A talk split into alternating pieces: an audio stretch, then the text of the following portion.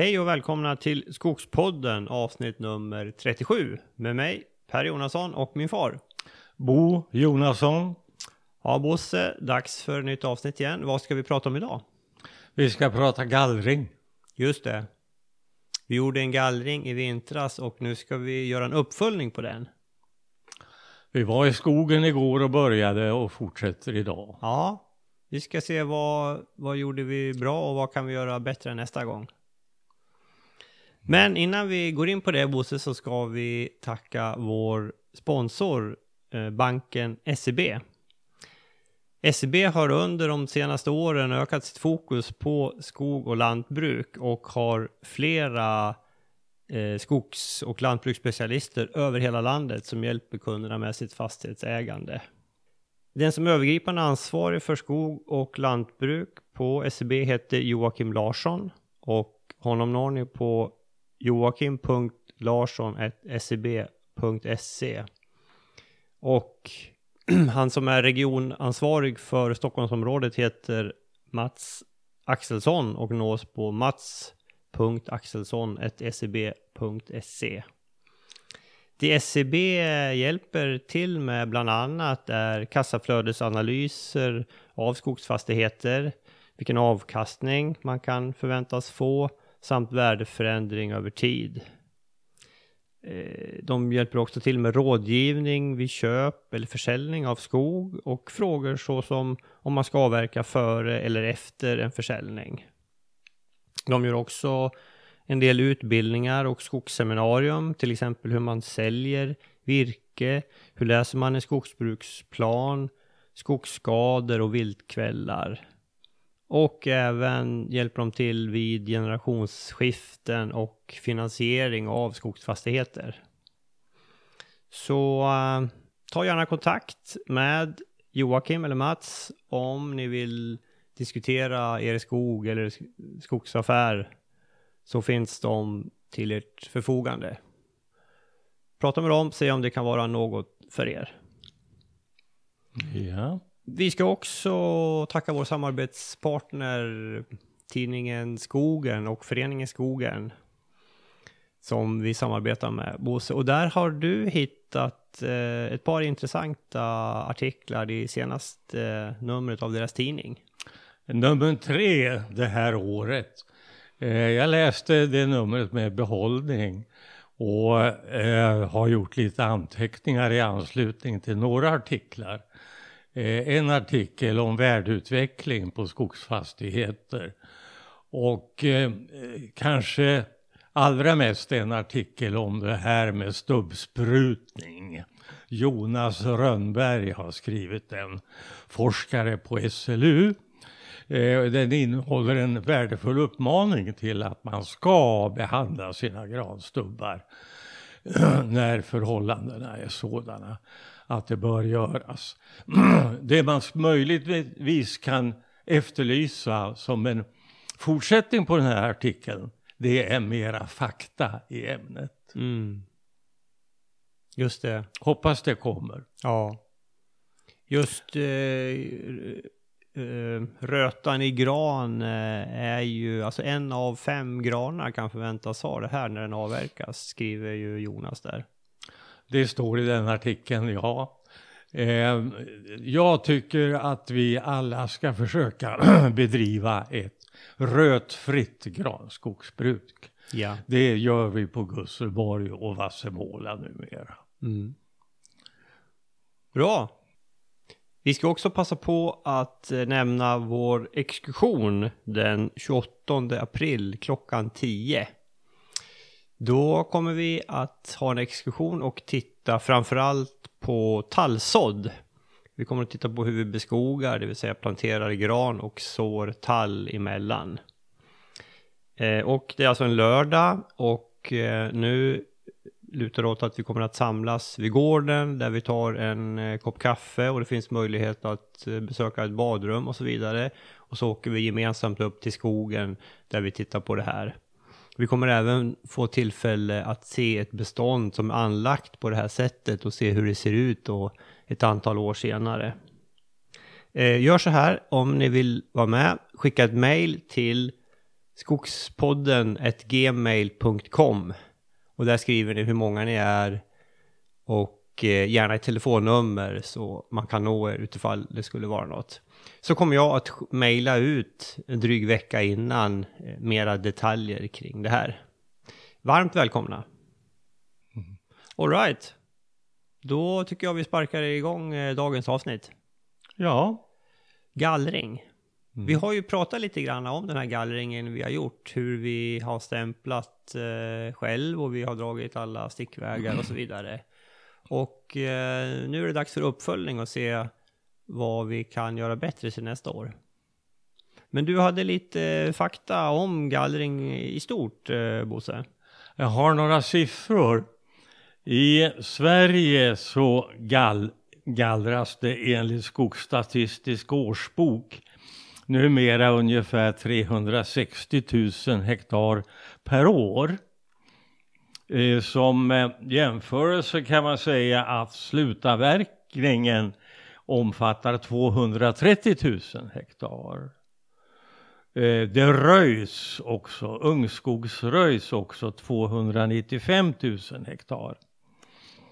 Eh, vi avverkar ju som alla som lyssnar här säkert vet ungefär 80 miljoner skogskubikmeter per år.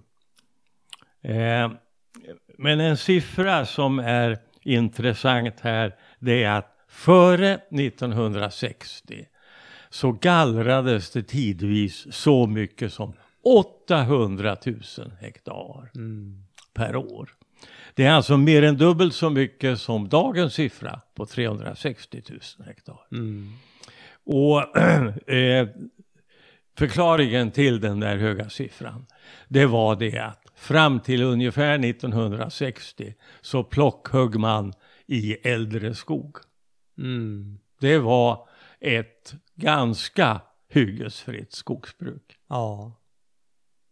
Och då räknas det som, som en gallring där? Ja. Mm. Mm. Mm. mm. mm. Ja. Ja, du har ju sett båda de här metoderna. Ja, gammelskogarna såg ju väsentligt annorlunda ut på den tiden. Mm. Eh, de var glesa. Jaha. Ja, och det stod inte mycket volym i slutavverkningsskogarna. Om det idag står, eh, ska vi säga att det står 350 000 eh, skogs, 350 skogskubikmeter per hektar i våra slutavverkningsskogar så var det nog säkert 200 till 250. Ja. Den här den gamla tiden på 1950-talet. Mm. Ja. Nej, det är ju stor skillnad. Ja. Jaha Bosse, ska vi kasta oss ut i skogen och lyssna på vad vi sa? Vi har ju med oss eh, Jonas Kling också som är eh, inköpare på Billerud Korsnäs som, har, som, som, som köpte den här gallringen av oss också då. Så här lät det när vi gick igenom det här. Ja, då står vi ute i skogen här och mitt i gallringen och med oss har vi Jonas Kling också. Välkommen Jonas! Tack så mycket! Du har ju varit med i podden förut i avsnitt nummer sju där vi pratar biologisk mångfald. Men du kan väl ändå lite kort bara presentera dig?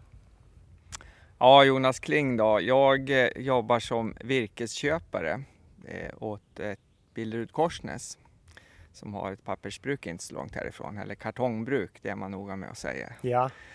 Eh, så jag handlar virke och eh, jag brinner för skogsskötselfrågor. Jag tycker det är otroligt intressant. Eh, jag har också ett brinnande naturintresse så att jag har en bakgrund som har mycket, eh, kan mycket om skogens biologi. Mm. Det är väl i det den korta versionen. Just det, ja, och det, ja, det, du har ju stor kunskap om det här och just mm. då, har man inte lyssnat på avsnitt sju så tycker jag man ska göra det för mm. där pratar vi just biologisk mångfald och mm. jag vet att du brinner ju för det här och det är ju jätteintressant att höra. Mm. Men varför vi står här nu är ju för att vi ska, vi ska göra en gallringsuppföljning för du köpte ju vår gallring här som, som vi gjorde i vintras och vi ska gå igenom vad vi har gjort och och framförallt hur kan, vi, hur kan vi göra det bättre? Så vi ska lyssna på dina erfarenheter. Men Bo, innan vi drar igång det Bosse, kan inte du bara för att förklara läget. Hur, vad är det för gallring vi har gjort här i vinter?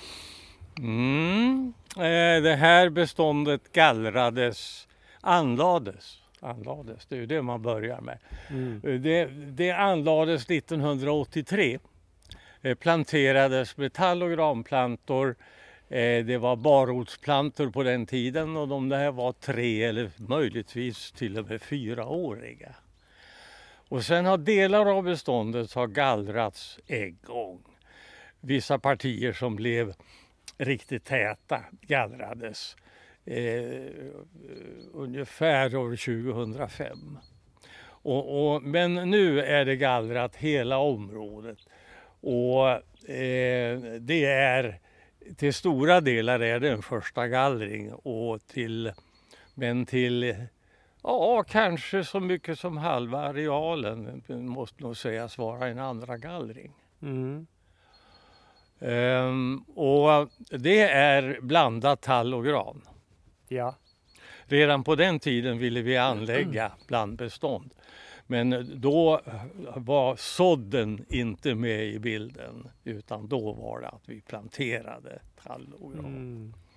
Mycket av tallen blev hårt betad, riktigt hårt betad. Så jag vet det att av de 5000 tallar vi planterade här så var det 250 som var värda att stamkvista.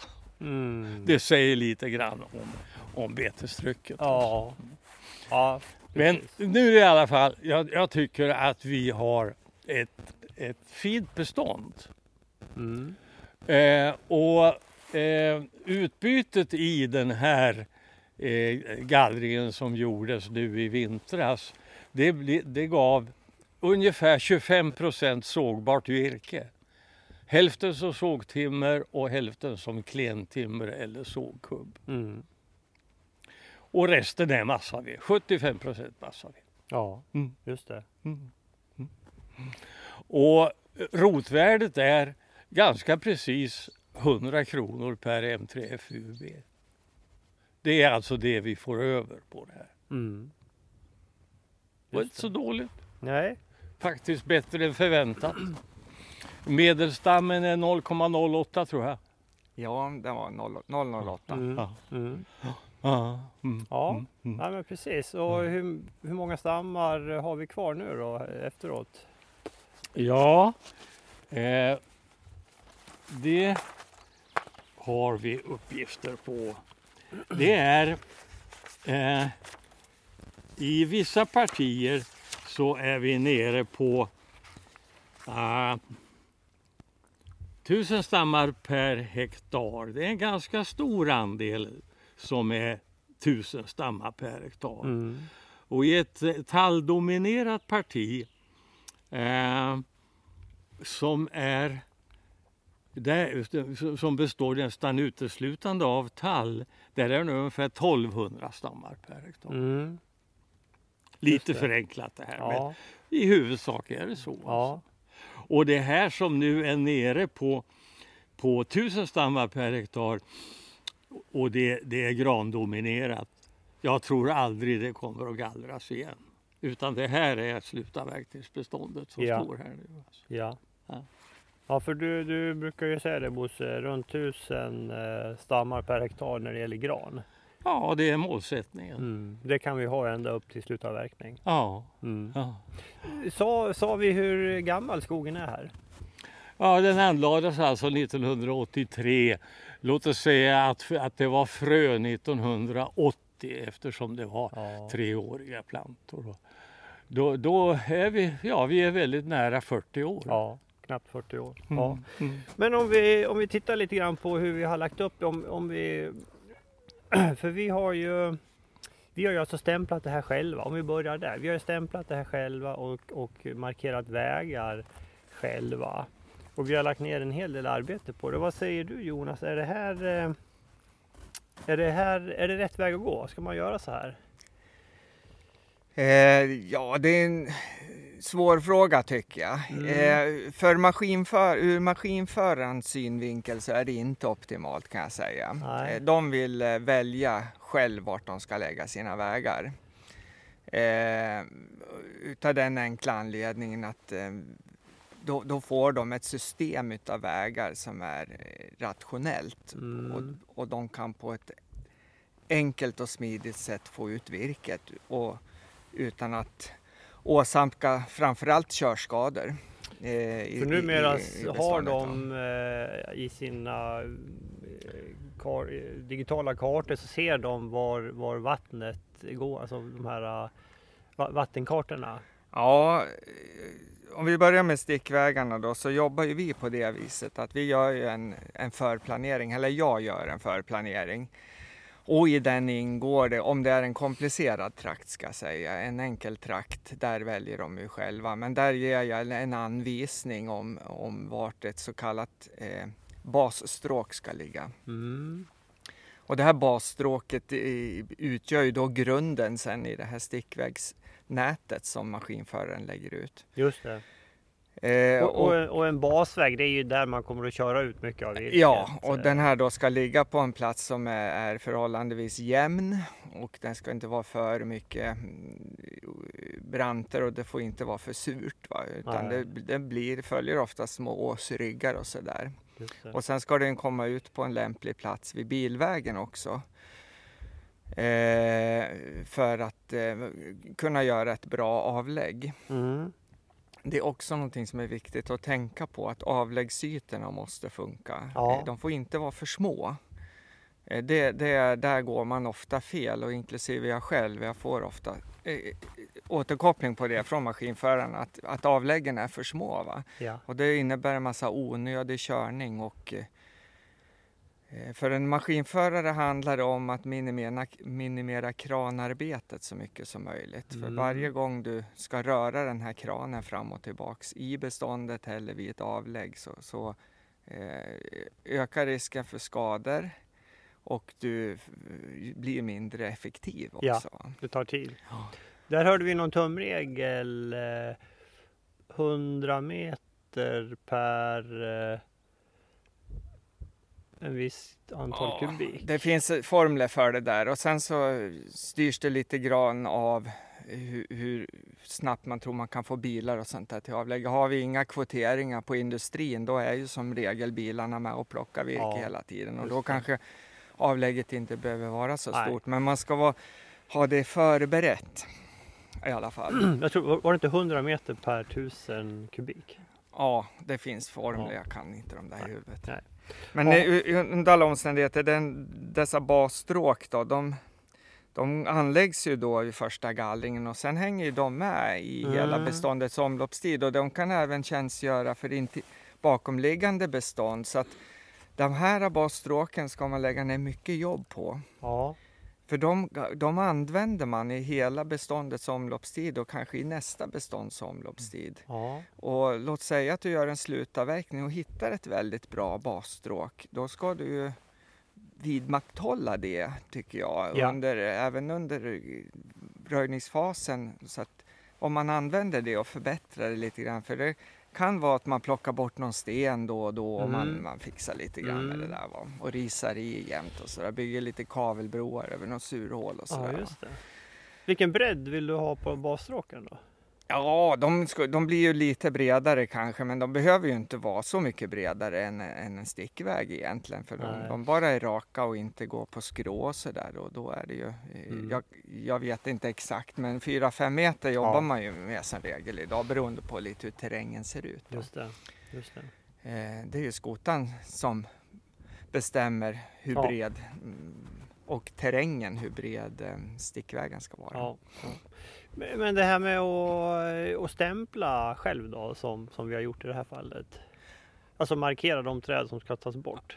Ja, det, det tycker jag man kan göra. Nu är det ju oerhört tidskrävande, va? så det förekommer ju väldigt sällan att folk gör det. Va? Men eh, det ska i, i sig inte vara något hinder. Men eh, när man kommer och åker. Visserligen kan det bli lite att det står något träd bakom och sådär som är lite bökigare att ta om. Något kanske man inte kommer åt riktigt eller når eller något sånt där. Och tittar vi omkring oss här i bestånden så finns det ju ett antal träd som fortfarande står kvar och, och det beror på att han har inte nått dem helt enkelt. Eller inte sett dem för det var ju ohyggligt mycket snö när vi var Ja, här och körde. det var ju det. Mm. Det var ju Och det var ju mm, snö både på stammarna och på kronorna och det var, det var alltså helvitt i skogen. Ja, ja men det, du och jag var ju här Bosse och konstaterade det. Och jag, vi gjorde väl något försök att Mm. ta fram eh, markeringarna vid Mm. något tillfälle också. Ja. Vi, vi insåg ju det att eh, alla syntes inte Nej. riktigt. Då, men, Men, eh, men, men det du gör som eh, skogsägare när du stämplar det är ju att du kan faktiskt syna vartenda träd ordentligt i, under fina förhållanden och ta bort dåliga individer. En maskinförare han ser ju bara träden från ett håll. ja, Han ser inte om det är en skada på trädet på baksidan och han ser kanske inte kronan i sin fulla bredd om det är något fel på den. nej. Om det är eh, tätt med skog och sådär. Så att, eh, Det, det, är, finns eh, fördelar. Du, du berättade för mig, du har ju egen skog, att du, du skulle ju själv stämpla den. Ja, men det, det blir nog så tror jag. Det är, jag har, det är lite speciellt. Det är tvåskiktat bestånd med, med, med löv och gran. Ja. Och eh, jag vill att man ska vara väldigt tuff då i den här sista gallringen som ska göras i lövet. För jag vill ha långt mellan stammarna och då, då tror jag många maskinförare vågar inte ta steget hela vägen så att Nej. säga. Utan då, det, jag ser det ofta i lövgallringar att, att de har varit för försiktiga. Okej. Mm. Mm. Det tycker jag Mm. ibland. Va? Man, man, får styra upp där i traktdirektiv och säga hur många stammar per hektar man vill ha kvar. Just det. Det är ju för övrigt ett, ett bra alternativ när du som skogsägare kan påverka gallringens utfall. Låt säga nu i den här granskogen att du vill ha 900 stammar per hektar här. Då kan man ju faktiskt skriva det att det ska vara 900 stammar per hektar. För den blicken har de, va? maskinförarna. De sitter i skogsmaskiner hela dagarna och här grejer. Det har de köttöga för. Ja. Så, så Mm. kan de kontrollera sig själv ibland. Jag tycker att man kan vara ganska... Där kan du som skogsägare ange Mm. eh, hur, hur du vill ha gallrat. Va? Jag- Brukar, brukar folk göra det? Ja, det, ni är de första. Nej, ja, men det, jo då, det finns nog någon eh, som, eh, som tänker i, Mm. på, på just stamantal. Eh, men just stamantalet tycker jag man ska Ja, utveckla de tankarna. och där har vi ju, du nämnde ju det Bosse, gran, då vill du ha tusen i närheten och, och, och det ska stå ända till slutavverkning. Ja, jag menar det. Att, att Mm. eh, det har fördelar. Man, man får ett eh, stormfast bestånd. Mm. Det är det främsta skälet. Ja, Och eh, det, det, eh, det är ett väldigt starkt skäl för att det är ju våran prioritet nummer ett mm. när det gäller skogsskötseln. Det är att det ska vara stabilt och starkt. ja. Tall då? Ja, tall är, det, det, det blir vä- väldigt annorlunda. För där, där har jag målet att vid 55 års ålder när det beståndet är slutgallrat så ska det stå 550 stammar där. Mm. Och egentligen de här 550 det, det har kommit till när jag har stämplat under årens lopp. Så har det blivit så att eh, känslan har lett mig till den siffran. Alltså. Mm. Jag har stämplat och sen har jag räknat stammarna som är kvar. Ja, det är runt 550 Mm. i stort sett Mm. jämt. Ja. Mm. Mm. Och det här eh, blir ju då eh, vi har ju, alltså om man ska ha stickväg, stickvägsgående eller beståndsgående skördare när man gallrar. Det, det, det kan ju ha att göra med om det är gran eller tall då, hur man vill att den fortsatta skötseln ska se ut. Det är min lite ledande fråga. Ja, Tänker jag rätt där? jag håller inte riktigt med där för att det, det är inte skördan som sätter nivån utan det är ju skotan. Det spelar egentligen ingen roll om du har en beståndsgående skördare och du kommer Mm. med, en- med en normal skol, stor skotare efter. Nej. Utan ska du köra en gallring då kanske i gran då, Ja. eh, om man nu ska ha tusen stammar, då, då, ska du, ju- då ska du köra med ett fulländat småskaligt koncept och då innebär det också en, en, en miniskoter efter. Ja. Då får du stickvägsfritt. Mm. Eh, och då är ju vi inne på de här eh, minimaskinerna Malma, Malva och, och eh, eh, ja, de, de här små maskinerna. Ja. Och, och de, de, Vimekaren och, och eh, Timber finns det en som ja, heter. Va? Och de här är ju, det är ju jättefina maskiner men, men prislappen då för gallringen är ju högre. Men det är ju det är ju ett bra alternativ om man vill ha stickvägsfri. Mm. Ja, men om man, om man har ett granbestånd då så kan man ju, vi har ju inte använt det Bosse än men det Nej. kan ju vara någonting att fundera på. Mm. Ja, men hur, hur, är det Jonas, har ni tillgång till, till några stickvägsgående skördare? Har det något? Ja, stickvägsgående har vi. Det, nej, det, det är det vi har. Nej, nej, nej, nej. Beståndsgående. Ja, minimaskiner. Mini mm. Ja, nej inte idag, men jag tror att vi kommer att kunna erbjuda det. Att mm. I Norrbottens distriktet har kört en del med det vet jag. Oh, eh, men eh, i, i, här nere i Mellansverige har vi inte haft det. Vi har haft beståndsgående skördare men vi har inte haft de här små maskinerna. Mm. Men jag tror att eh, vi, vi tittar lite grann på det. Att mm. eh, det ska kunna finnas som ett valbart en valbar faktor. Va? Men eh, det gäller att hitta en entreprenör också som är villig att satsa på det här. Va? Ja, mm. mm. just det. Eh, men jag tycker att det ska finnas i skogsägarens valmöjlighet. Ja.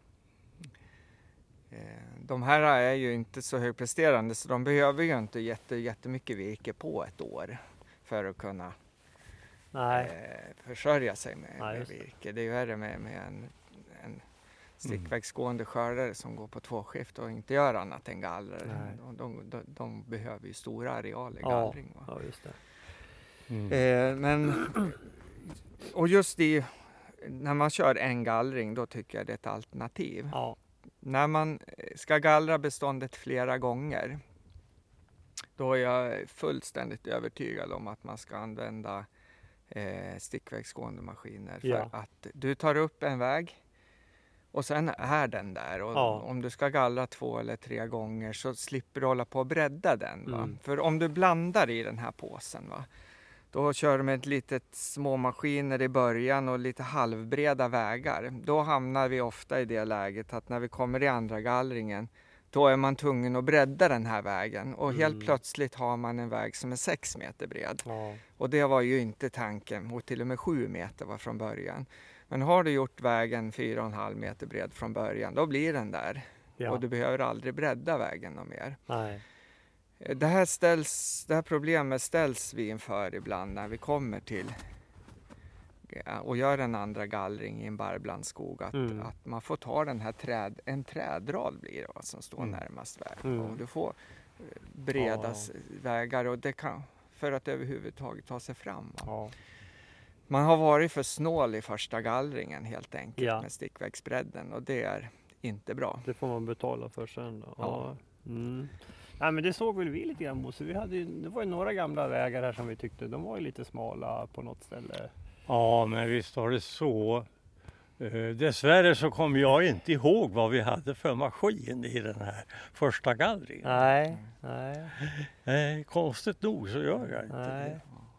Nej, det här beståndet var ju som du nämnde i början, det var ju blandat av både första gallring och andra gallring. Ja. Ja. Vad, vad, säger du Bosse, om, vi, om vi skulle göra samma gallring igen här, skulle vi göra på samma sätt eller eh, det här som, som eh, Jonas säger med att dra basvägar och låta, låta skördarföraren göra stickvägarna själv, kan det vara ett alternativ? Ja, det, det, det, skulle det väl kunna vara i det här beståndet. Men eh, problemet det, det, uppkommer när vi kommer in och ska gallra i våra, i våra stamkvistade tallskogar. Mm. För att då, ja, jag ömmar ju för alla tallar som är stamkvistade. Vill ogärna se dem i massa vid högen alltså. Nej. Eh, och, och, då tycker jag att eh, det kommer att kännas frestande att på något sätt förvissa sig om att de stamkvistade tallarna verkligen blir gynnade Ja. och framförallt inte bortgallrade. Mm. Men hur kan man göra det? Vi har ju varit inne på det här tidigare att vi måste ju bringa ner antalet dagsverken som vi lägger ner på skogsskötsel. Och eh, vi har ju inte kommit fram till någon bra lösning där. Nej, eh, men vi känner oss för lite grann och, och just det här med gallringen, eh, där känns det som att eh, vi, vi skulle kunna vinna tid. Och kanske det här med att märka ut de träd som vi absolut vill ha kvar istället för tvärtom, Ja. Kan man tänka sig. Mm. Mm. Mm. Ja. Eh, Jonas, om vi tittar på underröjningen som är gjord. eh, hur, hur, eh, hur ska man tänka där? Den här gjorde ju Bosse och jag själva. Så har den sett bra ut? Har vi kunnat gjort den bättre? Ja, det är ju en sån här mantra. Jag får alltid, det går ju alltid att göra bättre. ja. ja. Men eh, det, det, det fanns, eh, ni hade kunnat röjt lite till här. Okej. Mm. Ja. Eh, när, alltså resultatet utav en gallring, den, den beror utav... Det här börjar ju redan vid ungskogsröjningen. Det är Mm. egentligen då du bestämmer hur, hur gallringen kommer att bli. Va? För eh, den, är du tillräckligt radikal ska jag säga i röjningen och får ner stamantalet ordentligt. Då, vad du får då är ju ett stabilare bestånd med mer grön massa. Du får ehm, eh, en, du kan skjuta fram gallringstidpunkten lite grann Mm. utan att det sker på bekostnad utav beståndets stabilitet efter gallring. Mm. Om du kommer in i ett överslutet bestånd och försöker göra en, en gallring, det, det går inte att få ett, göra ett bra jobb. Va? För du får upphissade kronor som står där och vajar i vinden och sen får du snöbrott första vintern därefter och så Mm. vidare. Mm. Eh, och du får ett, tappar ju tempo i dimensionsutvecklingen. Ja. Här har ni ju det här, jag tittar runt omkring mig i den här granskogen. Det, det här är ju i, i, i det närmaste perfekt. Du har 50% grönyta på granarna eh, och det finns inte många topploft efter den här snörika vintern. Så att här, här tycker man att ni har Mm. hamnat helt rätt. Va? Mm. Så, Så att eh, röjning- röjningen är röjningen är oerhört viktig. Förröjningen sen innan gallringen, den är ju eh, viktig så tillvida att den, eh, du måste ha sikten.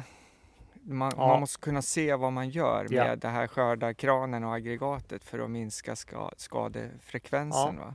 Sen om det finns lite buskar och så under skiktet, det spelar inte så stor roll, men sikten måste finnas där. Mm. Sen eh, det tredje är ju att du genom en, eh, en bra röjning, ungskogsröjning och en bra förröjning minskar ju gallringskostnaden för den bygger ju på uttagen medelstam. Just det. Om, du, om det hade varit 005 här i uttagen medelstam då hade det varit jämnt skäck med att det hade gått runt. Va? Men- låg vi på... Men nu låg vi på 008 och då var det ju 100 kronor över och den, det är ju en hundralapp som ni har i, tjänat kan man säga genom att vara aktiva skogsägare. Ja. Så att du kan ju som skogsägare påverka ekonomin i gallringen genom att röja Mm. ordentligt. Ja, men det är ju intressant. Ja. För, jag hade just en fråga om det. Är, är alla första gallringar lönsamma? Eh, nej, inte om, om vi måste göra för om du kommer in i ett fullständigt oskött bestånd och vi är tvungna att göra en förröjning som kanske kostar 60 kronor fubben, uttagen fubb och du har en uttagen medelstam på 0,05 då är ju hela rotnettot borta på en Ja. gång och du kanske till och med får betala lite grann. Mm. För, eller du får betala för den Ja. gallringen. Va? Ja. Och det här brukar ju då eh, kompenseras genom att man tar någon lite grövre del. än Sånt där. Så du ser ju aldrig det här kanske när du gör en, en eh, i ett jobb. Va? Men, men, Mm. men om du skulle ha eh, 10 hektar med bara sån skog, det, det, det, det, det är inte det går inte Nej. något bra. Va? Och, så att skogen är alldeles för värdefull för att, att Ja. utsätta den för en sån sak tycker Ja. jag. Det, det är, Eh, Och maskinförarna har- ju inte en chans att göra ett bra jobb. Nej. Då, utan, det, det, Så som, som privatskogsägare så jag måste röja ordentligt eh, och, och sen se till att und, och även underröja ordentligt. Men först en Ja. röjning ordentligt och, och, och eh, en sen och kraftig röjning. Ja, det behöver det nödvändigtvis inte vara utan eh, eh, du ska ner på de här stamantalen som är rekommenderade. Ja. Ja, just det. Och, och det är bara att läsa produktionstabellen och, och följa dem. Och Ja. man kan till och med vara lite tuffare än dem tycker jag. Mm. Mm. Ja men det är bra. Mm. Eh, där vi står här se- ser vi ju inga skador alls efter den här. Inga skador på stammarna. Nej, men, det- men det finns skador. Det finns ju lite skador här och Mm. da- där i, i den här skogen. Mm. Och det, det var ju en anmärkning i, i din redovisning om att det var lite mycket skrååkning tror jag det kallades. Skråvägar ja. Ja. Mm. Mm. Och det, det, Alltså sidlut. det är sidlut ja. Mm. Och det var ju skotaföraren som hade den synpunkten. Mm. Att eh, Mm. skördan kanske det går bra för va? men när skotaren kommer med sitt lass så Mm. blir helt plötsligt eh, den, det skador på kvarvarande skog Mm. för att han, han, han lutar. Va? Ja. Mm. Det där har vi ju sett lite grann av eh, Mm. just och det är ju hur, hur mycket skador är tillåtna? Ja, det, det kan jag inte på rak arm, men det är en- en- 4-5 procent eller något sånt där. 3, 4. Alltså det kan jag inte. Men, men det ska ju inte behöva vara skador i en, efter en Hur, gallring. hur, eh, hur ska man tänka som eh, skogsägare för att, för att minimera dem? Ja, det är ju det vi var inne på. Eh, Välröjd skog, bra Mm. underröjning. Och, inte, Och som i ert fall då lägga vägarna så att de är raka Mm, eh, och går inte på skrå. nej, just det. Mm. Eh, Och, så, och en, ytterligare en sak, så lite anslutningar som möjligt. Eh, så att det ska vara långa vägar som, Ja. som eh, Mm. är så lite vägkors som möjligt. Ja, just det. Mm. Mm. För den som inte är van att bedöma eh, skogsmaskiners framkomlighet så kan jag säga det att de kan ju gå i väldigt brant terräng om Mm. de går upp och ner Mm. för, för sluttningen. Mm. Men så fort det blir sidlut så blir det problem. Mm. Mm. För då tar skotan mycket Ja. plats. Ja, Och de glider i sidled. Va? Ja. Ja. Ja. det gör de. Ja. ja, ja, Det, det, det är så. ja. ja. Ja. Du menar helt enkelt Ja, att ja. de, De, kan glida i sidled. Ja, va? ja. Men vi, tidigare när vi var här Bosse så såg vi på några stammar där det var skador då ett par meter upp. Mm. Och då eh, gissade vi att ja men det här är nog från, från skotarens då. eh, Ja, stakarna. Ja, Mm. just det. Mm. Mm. Mm. Och då har de väl liksom att det varit ett sidlut där helt Mm. enkelt. Mm. Och där Ja. tror jag då som skogsägare, och det var därför jag också sa det, att jag var tveksam till att det är bra att, att en som inte kör maskin lägger ut stickvägarna. Ja. För det, det ökar då stickvägsarealen, det ökar förmodligen skadefrekvensen Mm. och det blir kanske inte en inoptimal eh, Mm. uttag utav virket också. Men däremot det som ni var inne på här, att eh, låt säga att vi skulle gallra en, ett bestånd med stamkvistad tall. Mm. Att man är noga med att märka på de här tallarna och gör klart för maskinförarna att de här ska ni slingra runt Ja. och, och undvika att avverka. Då, Mm. Om det inte är så att det är tusen stamkvistade stallar per hektar, då tror jag man har förmåga. Då tror jag det skulle lyckas. Va?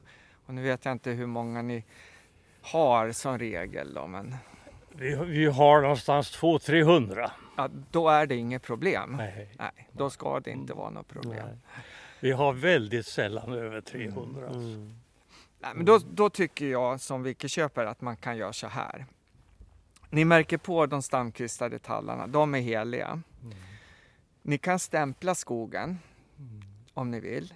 Men ni ska ha, maskinföraren ska få lägga ut eh, stickvägarna själv och han ska ha en, eh, ett mandat att kunna byta träd så att Mm. säga. Och man måste ta ett ett ostämplat träd för att ta sig fram, då gör han det och Ja. byter ut det mot ett som Mm. har stämplat. Mm. Och sen har man en, en eh, stammantals Ja. eh, direktiv att så här många stammar vill jag att det ska vara kvar när, ni, när det är klart. Va? Ja. Där, där tror jag ni, ni det, det tycker jag ni ska prova. ja. Eh, Basvägarna då? Gör vi dem eller gör du dem? Nej, de eh, gör vi tillsammans. Ja, Mm. de gör tillsammans. Ja. Mm. Eh, och ehm, de, de Ja. tittar vi på tillsammans. Ja. Mm. ja, men det känns ju som ett upplägg eh, vi skulle kunna Mm. göra. Mm. Ja, det, det finns säkert framkomliga vägar här, det, det, det Mm. tror jag. Mm. Eh, överhuvudtaget för att säga ett ord till om den här gallringen så jag, jag tycker att alltihopa har blivit bra. Det har varit duktiga maskinförare. Och det är ju så, det är ju så att alla, nästan alla maskinförare är bra. För att annars sysslar de med någonting annat. Ja, Mm. precis. Det här har, det har ju vuxit fram en väldigt fin yrkeskår. Mm. alltså maskinförare. Så jag, jag, jag kan imponeras verkligen av deras sätt att jobba. Och det, både du och jag åkte ju med Bosse eh, också Mm. och det är ju väldigt lärorikt att Mm. liksom vara uppe i hytten och se hur det ser ut och Mm. höra kommentarerna och prata med maskinföraren. Mm. Så det kan vi ju också rekommendera. Mm. Det, det, är ju, det brukar inte vara något problem. Nej. Ska vi, ska vi gå en liten bit och kika på någon annan del av, av gallringen så tar vi ett snack där också. Jag kan gå upp på den här kullen här för att den här rena granen den, den slutar 40-50 meter upp här. Ja, ja vi går upp och kikar hur det ser ut där.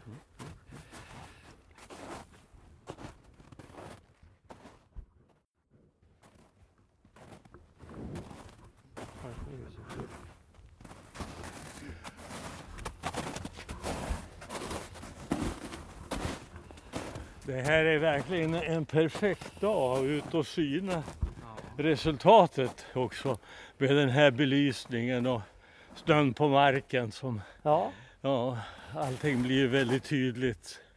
ja absolut. Nu, nu har vi gått upp på en liten höjd här och står och ser ut och det, det kommer upp, det är lite mera tall nu upp och emot här Bosse. Ja det är det. det, är det. Och jag kommer ihåg det där stora stenblocket som är 100 Ja. meter bort här. Just Det kommer jag ihåg ifrån när vi planterade här. Att eh, fram till det skulle vi använda de här sticklingarna. Ja, ja, ja. Mm. Ja, just det. Ja, nej, men här, vi, nu står vi mitt på en väg här också. Det här ser väldigt bra ut och vi, vi pratade lite om skador förut. vi ser inga skador här heller va? I stort sett inte. Nej, det har jag, där- där, ta, där tavelkräftor. är det en, faktiskt en eh, skada från eh, förröjningen där tror jag. Tycker Tror du jag det? ser ut som. Ja, Va? Ja, det är faktiskt...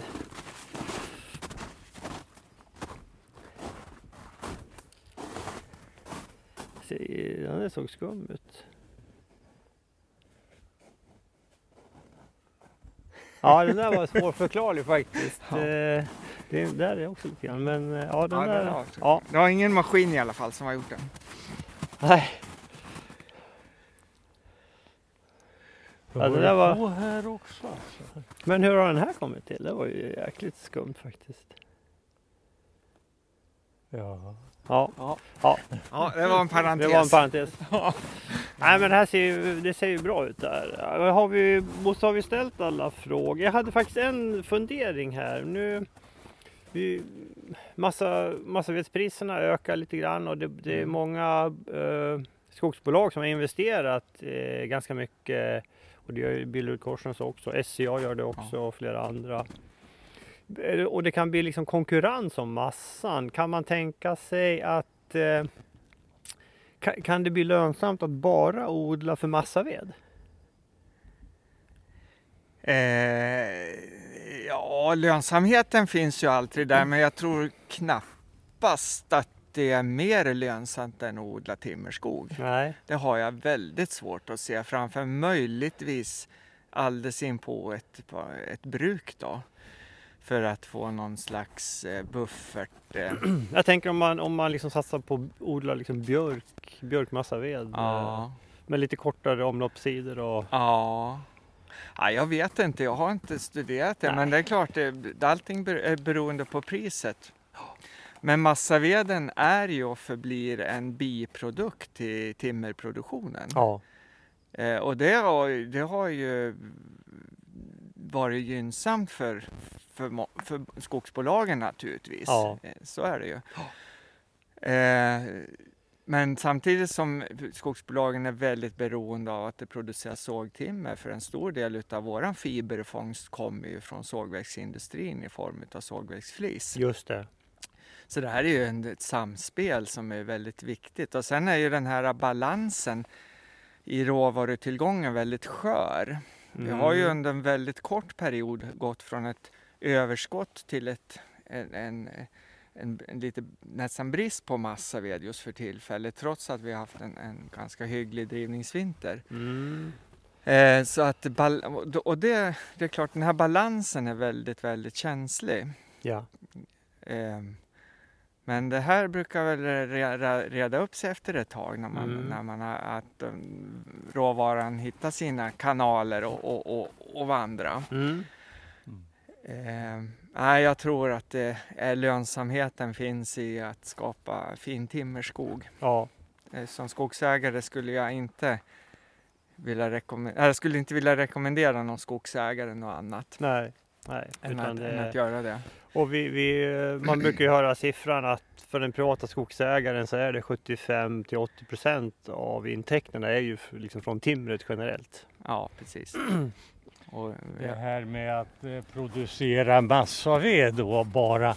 Det är ju vad, som görs i contortaskogarna. Ja, just det. SCA gör ju det delvis i sina contortaskogar, precis. Mm. Jag tror ju inte att någon stor del av contortan kom, någonsin kommer att sågas. Nej, så är det nog. Nej, och, och alla trädslag kräver ju en in, infrastruktur av skogsindustri för att kunna få ett förädlingsvärde. Eh, där ser man ju på lärken till exempel som är ju ett enastående härligt trädslag som om kommersiellt skulle kunna gå bra men tillgången på lärk är för, för, för låg för att det skulle kunna finnas en infrastruktur på, på eh, förbruk, ja, utav sågverk. Ja. Och, och då blir det svårt att få avsättning. Och det, jag vet inte om man kan, möjligtvis contortan kanske är eh, samma sak, för det finns ju Mm. fin contorta också. En jättefin contorta som absolut går att såga. Det, Mm. det, det Ja, tror jag. Så att, Ja. eh, Jag Mm. vet ju inte. Nej. Vi får se när den dagen kommer. Men eh, det tycker jag är viktigt att tänka på. Ni, ni pratar mycket om tallen och södra Sverige. Va? Ja, just att det måste ju finnas infrastruktur utav industri för att kunna förädla ett, ett, Mm. ett trädslag. mm. Mm. Och finns inte det ena så finns inte det andra. Nej. Och det, det, man är beroende av varandra Ja. helt enkelt. Va? just det. Mm. Ja, Bosse, har du eh, några flera funderingar eller synpunkter på gallringen? Eh, Det här som, som Jonas har sagt angående ungskogsröjningarna, det, det är ju så viktigt alltså. Och jag, jag tänker här på, det finns ju trots allt en, en kategori självverksamma skogsägare som ju på egen hand, egenhändigt kan sköta sina röjningar. Och då lämpligen röjda i mer än en omgång och låta det växa fram ett bestånd. Man, man röjer efter bästa förmåga första röjningen, så går man tillbaka efter några år och kompletterar det här. Och på det viset kan man då eh, bereda marken för en, en lönsam och lite senare lagd första gallring. Eh, att göra ett sånt här jobb jag vet att många känner sig osäkra när det gäller att ge sig på och börja fälla träd. Eh, de tycker inte de, de har tillräcklig kunskap. Men eh, eh, ändå, det är ett fantastiskt fint jobb det här att kunna gå ut i egen skog och skapa sina egna ungskogar med röjning. Alltså. Mm.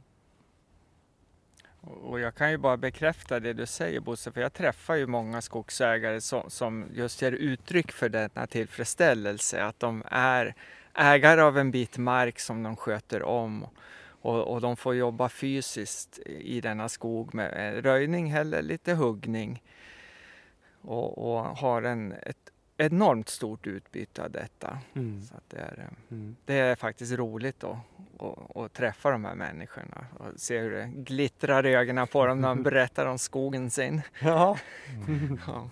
kul. Ja. Ja, men det tycker jag det låter som en eh, bra avslutning på det här och tack för att du vill vara med Jonas och vi, eh, vi det blir säkert fler gallringar i framtiden så vi ser om vi kan eh, få till ännu, ännu bättre. Ja, Men- tack, tack Mm. själv. Tack, Ja, vad bra. vad fint.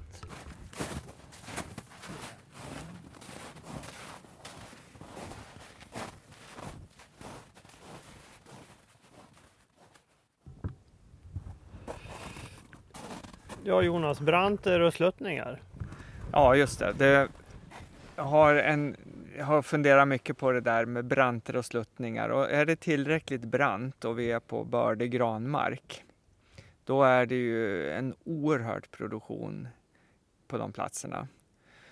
G34, G36 många gånger Mm. faktiskt. Mm.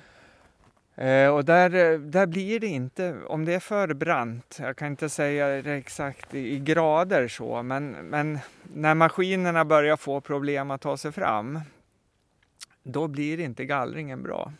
För, för stickvägsarealen tar för stor andel utav ytan för att eh, det, ja, man kan inte jobba på samma sätt som när det är, är plan mark. Nej. Det blir tätare mellan stickvägarna och stickvägarna blir bredare och så vidare. Va? Eh, där eh, tycker jag att man kanske som skogsägare ska tänka till. Ska vi verkligen gallra den här branten överhuvudtaget? Och bestämmer man sig för att inte göra det, då tycker jag man kan prova med att göra en oerhört hård röjning om det är gran och röja ner till 11-1200 stam per hektar Mm. och bara låta virket ligga. För då får du en... eh, Jag, jag var faktiskt och följde upp en, en, ett område i förra veckan där vi hade avstått och gallrat sådana här riktigt branta partier. Och den här skogen är nu 55 år och det är en granskog och det är G34 och det är, Mm. alltså det är ohyggligt mycket virke. Ja, ja. Det är enastående att vara i denna skog. Eh, jag tror att det är, om man nu ska optimera produktionen och optimera avkastningen från skogsbruket, då tror jag att man ska avstå gallra de här branta partierna Ja, och göra en riktigt hård röjning där istället. ja. Det är ett litet tips. Mm. ja men det är en bra, Mm. bra grej att ta med sig. Mm. Jag tror det är helt rätt det där du säger att överhuvudtaget vara uppmärksam på att man behöver inte gå in och gallra allting. Man kan lämna Mm. eh, partier som är svåra att komma åt. Storblockig terräng, Mm. eh, kanske blöt mark Mm. som ger Absolut. spår. Mm. Mm.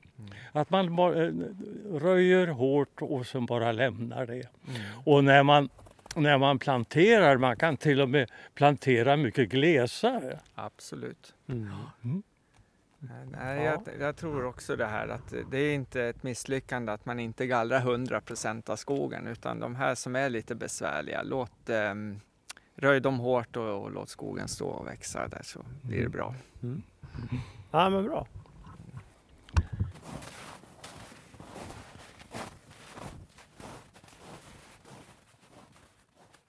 Ja så där lät det. Bosse, det var eh, väl, jag tycker det var en bra pratstund vi fick med Jonas där. Ja, eh, nej men eh, Jonas är en, en, en givande samtalspartner. Mycket duktig, lång, stor erfarenhet av det här. Ja, och han har den rätta skogskänslan. Ja, verkligen. Och han har samtidigt ett eh, mycket stort eh, naturintresse. Och det här är en fin kombination. Ja. Ja, verkligen. Eh, jätte, jätteskojigt att ha med honom på det här.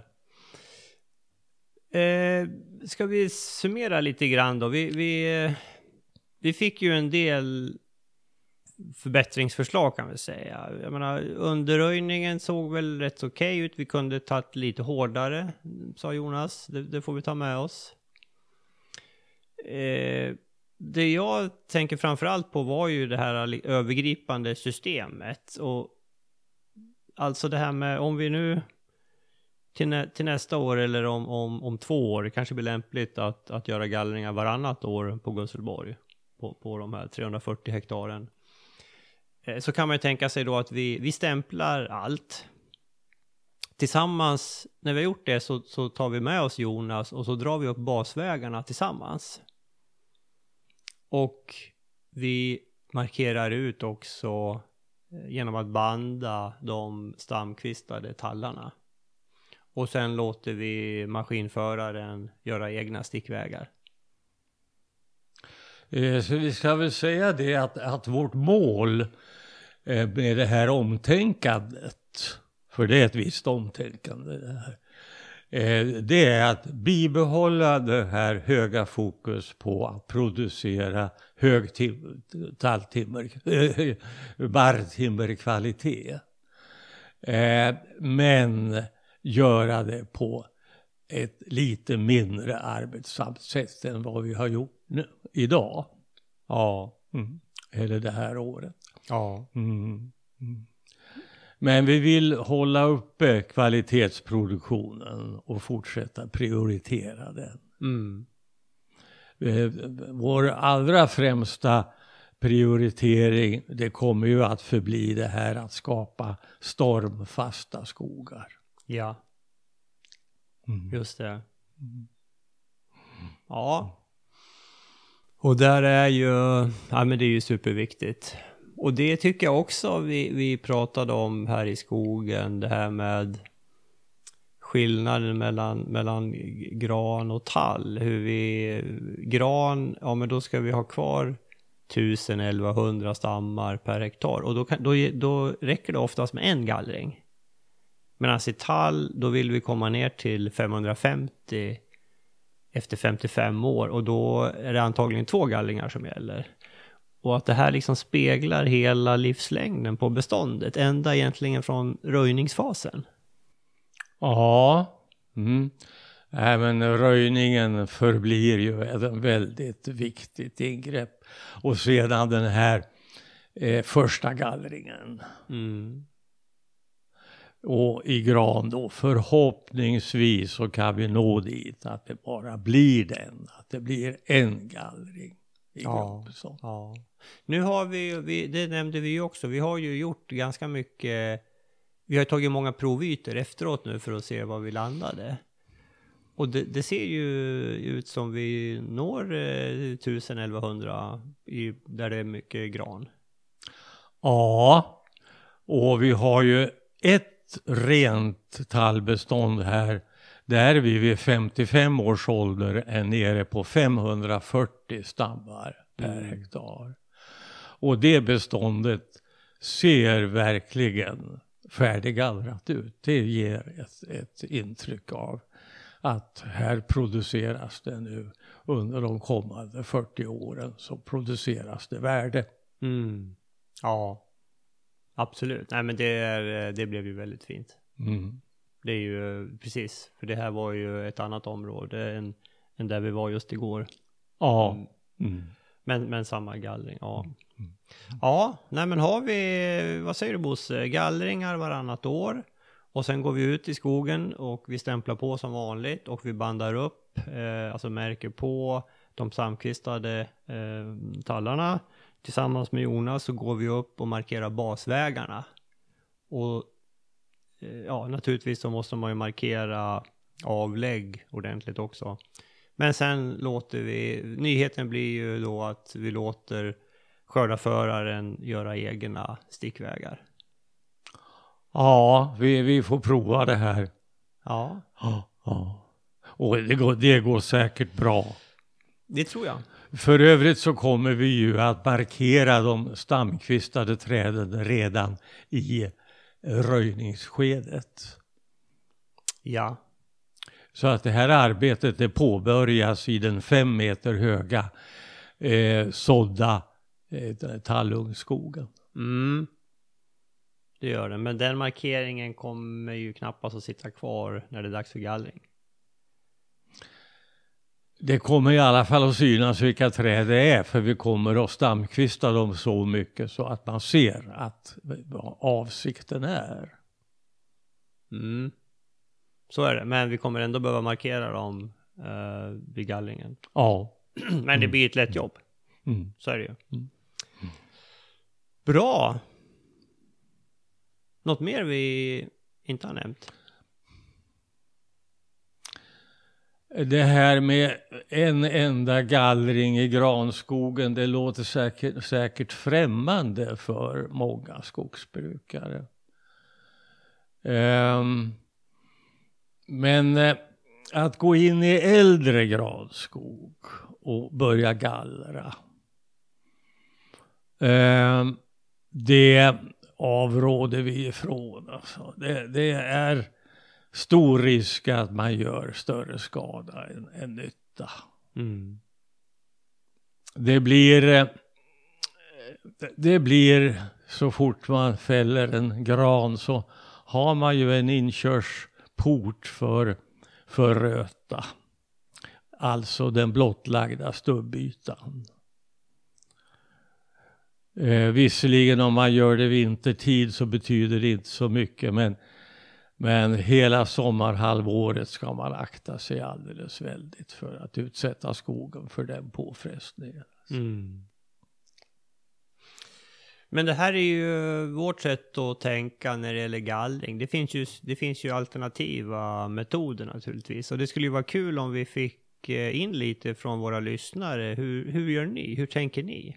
Vi tar gärna upp det och, och ventilerar det i podden och fortsätter den här gallringsdiskussionen som, eh, ja den, den, är, den är ju viktig.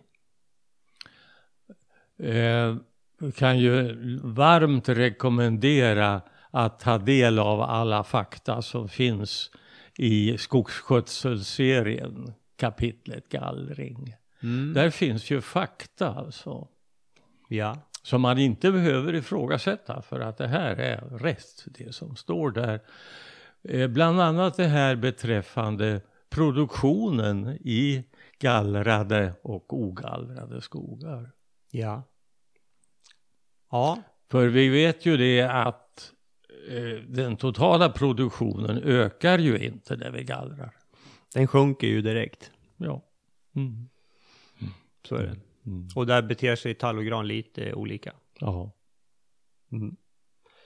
Ja, men jag tror vi sätter stopp där och vi välkomnar input ifrån våra lyssnare. Hur, hur tänker ni vid gallringar? Men det här, det här ska vi prova modifiera vår modell lite grann inför för nästa gång. Och jag tror det här också eh, att ungefär varannat, varannan vinter tror jag är lämpligt för oss att gallra. Ja, det, det där får, får, får ju framtiden utvisa. Eh, men eh, det är en hypotes till, tills vidare så får vi ju se här. Eh, vi har ju inte så vansinnigt mycket gallringsskog. Så vi, vi gallrar ju inte med mindre än att vi bedömer det som Nej. klart ändamålsenligt. Vi, vi, är det, precis, det är lite det ute, att, att vi samlar ihop lite volym eh, snarare. Mm. Så det, jag menar, det kan ju bli längre emellan också. Ja, det, det är ju en viktig faktor alltså. Det här med att flytta maskiner kostar pengar. Så att då ska man ha lite volym. Just det, just det. Mm. Att slå ut den kostnaden på. Ja. Och där kan man ju tänka sig att man går ihop med grannar också. Det, det är ett värdefullt tips. Alltså. Ja. Att försöka samarbeta med grannar för att då få ner flyttkostnaden. Ja. Nej men har man en liten gallring då blir ju flyttkostnaden blir ju jättestor och då, jag menar, då äter det upp hela, hela förtjänsten och man kanske till och med går back på en gallring och det vill man ju inte.